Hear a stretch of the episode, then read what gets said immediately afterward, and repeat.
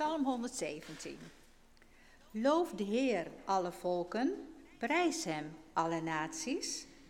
Zijn liefde voor ons is overstelpend. Eeuwig duurt de trouw van de Heer. Halleluja. En dan Romeinen 15, vers 7 tot 11, tot en met 11. Aanvaard elkaar daarom ter ere van God, zoals Christus u heeft aanvaard. Ik bedoel dit. Christus is een dienaar van de Joden geworden, om hun te tonen dat God trouw is en om de belofte aan de aartsvader te vervullen. Maar hij is ook gekomen om de heidenen in staat te stellen God te loven om zijn barmhartigheid. Zoals geschreven staat, daarom zal ik u prijzen onder de heidenen. Psalm zingen ter ere van uw naam.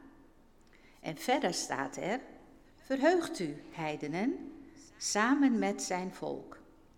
En er staat ook, loof de Heer, alle heidenen, prijs hem, alle volken. Tot zover. Um, ik ben wat voorzichtig met die preekstoel. Dat komt omdat ik uh, eerder eigenlijk niet wist dat ik een ischias zenuw had. Maar als dat ding dwars zit, dan... Uh... Dus daar heb ik een zes weken goed last van gehad. Dat heeft mij heel veel nederigheid en kleinheid geleerd. En dankbaarheid dat het dan over is. Um, maar nou mag ik nog niet zoveel staan. Ja, daar hebben ze dominees voor aangenomen, dus dat conflicteert een beetje. Vandaar dat ik dit dingetje meegenomen heb. Dus uh, kunnen jullie me op deze plek ongeveer een beetje zien? Ja? Ja, ik weet niet of dit wel helemaal erin past. En dan, uh, dus vandaar dat we het een beetje zo doen. En mijn meisje die vraagt straks thuis of dat ik nou die kruk behalve meegenomen ook gebruikt heb. Dus dan kunnen jullie, als ze belt, kunnen jullie haar vertellen dat ik hem gebruikt heb. Vrienden van Jezus, ik weet niet of jullie een beetje van de topsport zijn, maar ik wil jullie voorstellen aan een leeuwerik. Of je ooit begrepen hebt wat dat voor machtige topsport is. Zo'n klein vogeltje. Vlakbij Rijnsburg zit hij in de Elsgeesterpolder met name. Ik doe er af en toe een rondje, dan kan ik gelijk eventjes die tienduizenden hyacinten lekker ruiken. En dan is daar zo'n vogeltje, die gaat daar dus vliegen. Je moet je voorstellen wat voor energie het kost om als klein vogeltje ongeveer enige honderden meters hoog te komen. Ik schrik even, want ik zie jullie niet allemaal. Dat had je moeten zeggen, dat ik jullie niet goed kan zien. En jullie mij niet. Dus ik moet. Um... Oh, je hebt mij op de camera. Ja, top. Dat bedoel ik. Kijk, hè. Mooi. Ja, ik ga donderdag ook met werkvakantie, dus deze aanpak, daar hou ik wel van.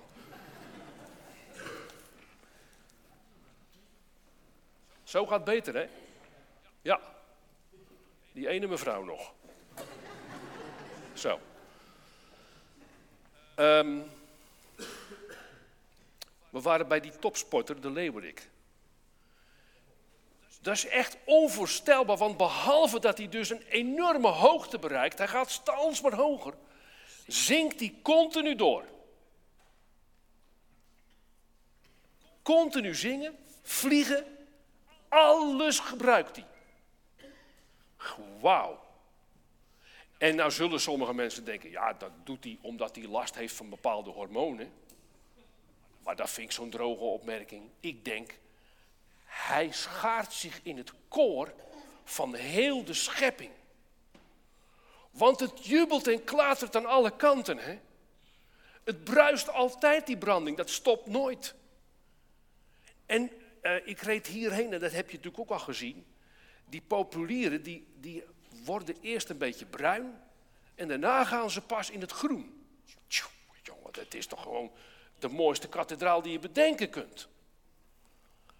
Of wat dacht je van zo'n meisje wat daar in die, uh, nou ja, dat is leuk hè, dan zie je van die mooie bakjes door het dorp heen fietsen. En daar zit er zo'n meisje voor in. Weet je wel dat, nou, ja, weet je, daar kan mijn dag toch niet meer stuk. Dat Jezus leeft, zingt ze dan. Of die stratenmaker in mijn straat. Ik denk, wat zit hij nou te fluiten, die man? Ja hoor.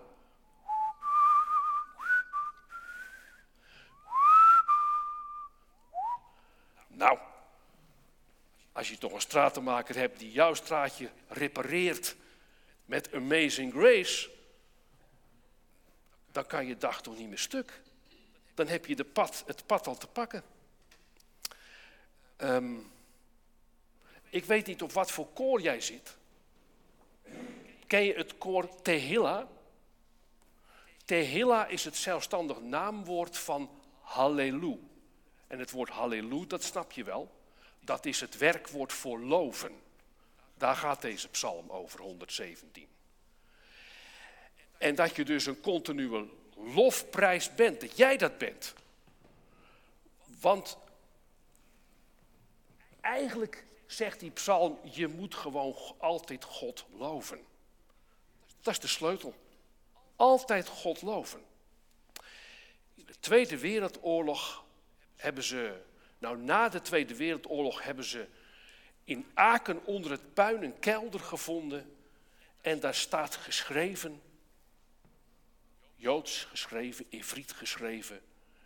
Als ik de zon nou niet zie opgaan, zou ik u dan toch niet loven? Dat is nog eens een keer loven. Hè? Leven, lieve vrienden, is loven. Leven is loven. Beheer je zorgen. Je kunt er wel over na gaan liggen denken. Je kunt het wel allemaal uitrekenen.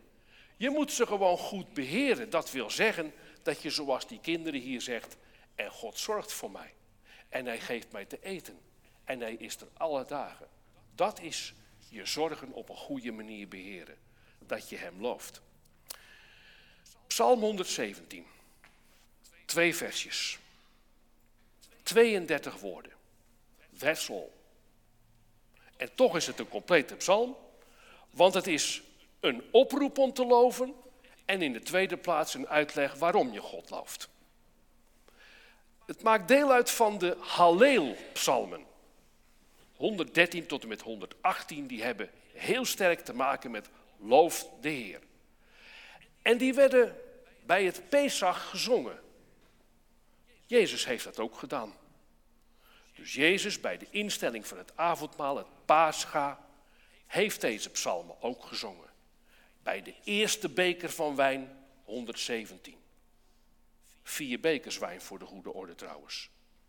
Er staat dan ook, toen ze de lofzang gezongen hadden, gingen ze naar de olijfhof. Het gaat over de liefde en de trouw van God. Beetje moeilijk met vertalen, je zou ook kunnen zeggen goedheid en goedertierenheid. Maar ja, ik zie jullie me nou aankijken en wat is goedertierenheid dan precies? De Engelsen helpen ons, die zeggen loving kindness, liefhebbende vriendelijkheid. En dat je God altijd looft.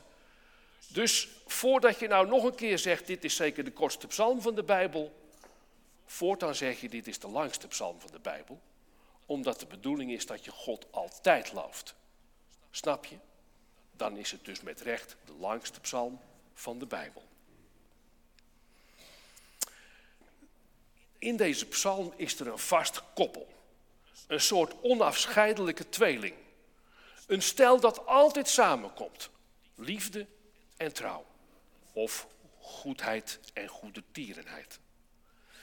Dat zijn een soort samenvatting, deze twee eigenschappen van God, van de dertien eigenschappen die God heeft, blijkens Exodus 34. Ja, dat is ook weer zo'n dingetje. Bij ons is 13 eh, een ongeluksgetal, maar in Israël, bij de Joden, is het een geluksgetal. Omdat God namelijk Inderdaad, zo staat het in Exodus 34. 13 goede, prachtige eigenschappen heeft. Levenslang hem loven. Leven is loven. Als we nou even een vergrootglas leggen op dat koningskoppel.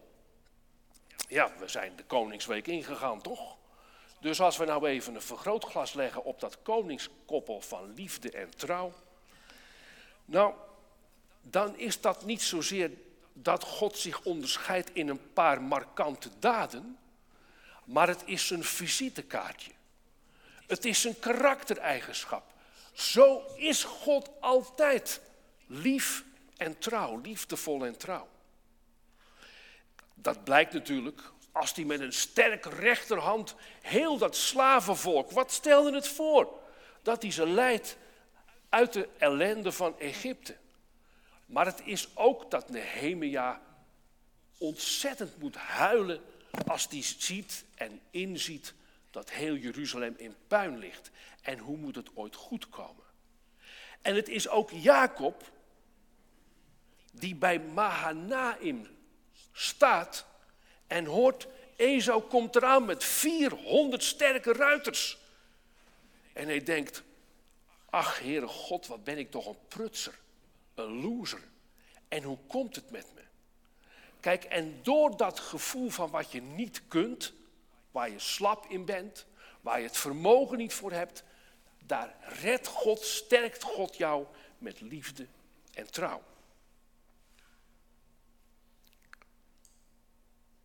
God sluit feitelijk eenzijdig een verbond. Kijk, die discipelen, geen van allen had gedacht dat het zou gaan met Jezus zoals het gegaan is. Zeker, ze zouden er zijn. En ze gingen hem echt niet verloochenen. En ze zouden hem echt niet in de steek laten. Maar ze deden het wel. Ze vluchten allemaal weg. En dan is Jezus op een verschrikkelijke manier gestorven. En voor iedereen is het einde oefening. Exit. Dit was het dan. En dan, zei iemand hier, staat hij op uit de dood. Het tart elke beschrijving. Het doorkruist alle manifestaties van onze kracht. Het is totaal anders en nieuw. Nieuw dus. Ehm, en ook Paulus, die er aanvankelijk niks van moest weten van heel die Jezus niet. Maar die op een wonderlijke wijze er als het ware bij gezogen wordt, ingepoot wordt. Ook die Paulus, hij wist ontiegelijk veel. De wet, de profeten, de psalmen, hij kende ze allemaal. En dan gaat hij nog eens puzzelen en dan zegt hij, ja maar elke bladzijde van die wet, die profeten en die psalmen, die ademen het ook. En daarom gaat hij het ook zeggen. Loof de Heer. Alle heidenvolken lezen wij. Nou, dat betekent alle volken buiten Israël. Dus Jood en niet-Jood samen God loven. Kijk nou eens naar je verleden. Kijk naar je heden. En kijk naar je toekomst. Ik weet niet op wat voor top van een berg jij op het ogenblik zit. Ik weet niet in wat voor loopgraaf je je op het ogenblik bevindt. Ik weet niet hoe goed en gaaf of hoe, hoe slecht en aanvechtbaar. Maar kijk nou eens naar dat alles. En zie, tracht te zien, pak beet de hand van God. En loof Hem. Loof God. Want God houdt niet op ons te zoeken. Hij die de doodsgrens van binnenuit geopend heeft, houdt niet op om ons te zoeken, tegemoet te komen, op te richten en het pad te wijzen. Leven is loven. Dat woordje, loven, ik haalde het al aan met halleluja, dat woordje komt zo'n 250 keer voor in het Oude Testament. De helft daarvan zijn in de psalmen te vinden. Het boek bij uitstek om God te loven. Nou wordt hier gezegd, als een gebiedende wijs, loof de Heer. Dus de secretaris van de Verenigde Naties heeft een speciale vergadering bij elkaar geroepen. En inderdaad, alle volk zitten er. Degene die kampioen zijn in de mensenrechten en degene die het absoluut verprutst hebben. En hoe heet die man ook alweer? Heet hij niet Gutierrez? Hij kijkt ze stuk voor stuk in de ogen en hij zegt, en vanaf dit moment gaan wij allemaal God loven. Kun je het je voorstellen? God kijkt vandaag elk van ons in de ogen. Weet je, als je God niet loven kunt, heb je de essentie van het leven gemist. Zeker, het is heel makkelijk om bij een stralende zonsondergang, als je heel blij bent met je vrienden bij je, om dan te zeggen, ja, eh, dankjewel God. Maar als je ziek bent, om het dan ook te zeggen. Het is natuurlijk heel makkelijk om dankjewel te zeggen als je je diploma net gehaald hebt. Maar als je gezakt bent, kun je God dan loven. Het is natuurlijk heel makkelijk als je het land kunt opbouwen en je salaris komt wel binnen. Maar als je net gevlucht bent uit Oekraïne, als je huis in puin ligt, kun je dan ook God loven? Het is natuurlijk heel makkelijk om na een klaterende avond te zeggen: Dankjewel God, wat was het leuk, wat hebben we een plezier gehad. Maar kun je het ook zeggen als je de indringende vragen van het leven gedeeld hebt? Als je samen de tranen in de ogen had? Natuurlijk heel makkelijk als je zo'n kruk niet nodig hebt en je kunt alle kanten uit. Om te zeggen, dankjewel God. Maar als je altijd doorpijn hebt, als je gehandicapt bent, als je geslagen bent en geteisterd bent.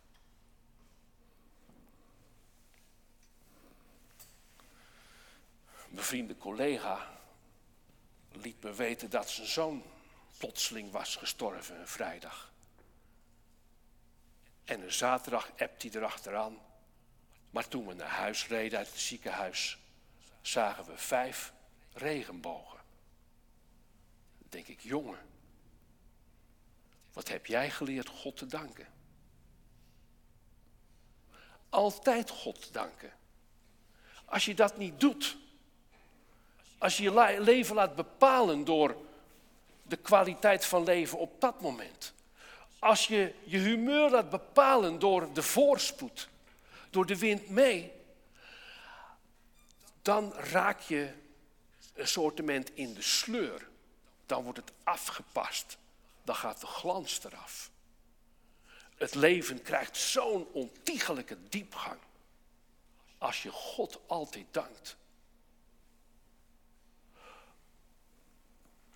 kern en die kiem van zijn genade zit namelijk niet in die grandioze daden van Jezus bij de zieken en de zwakken en de uitgeblusten die hij opricht. Maar die zitten in het kruis. Toen het donker werd en hij stierf. En iedereen dacht het is over. Toen stond hij pas op uit de dood.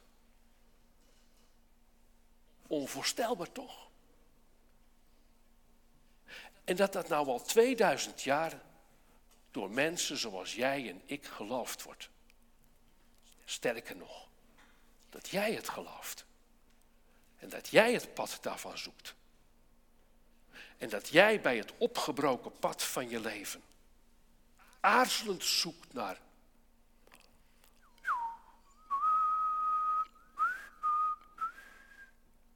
Kijk, dat is uit de diepte geloven en leven. Loof de Heer en leef zijn genade. Amen.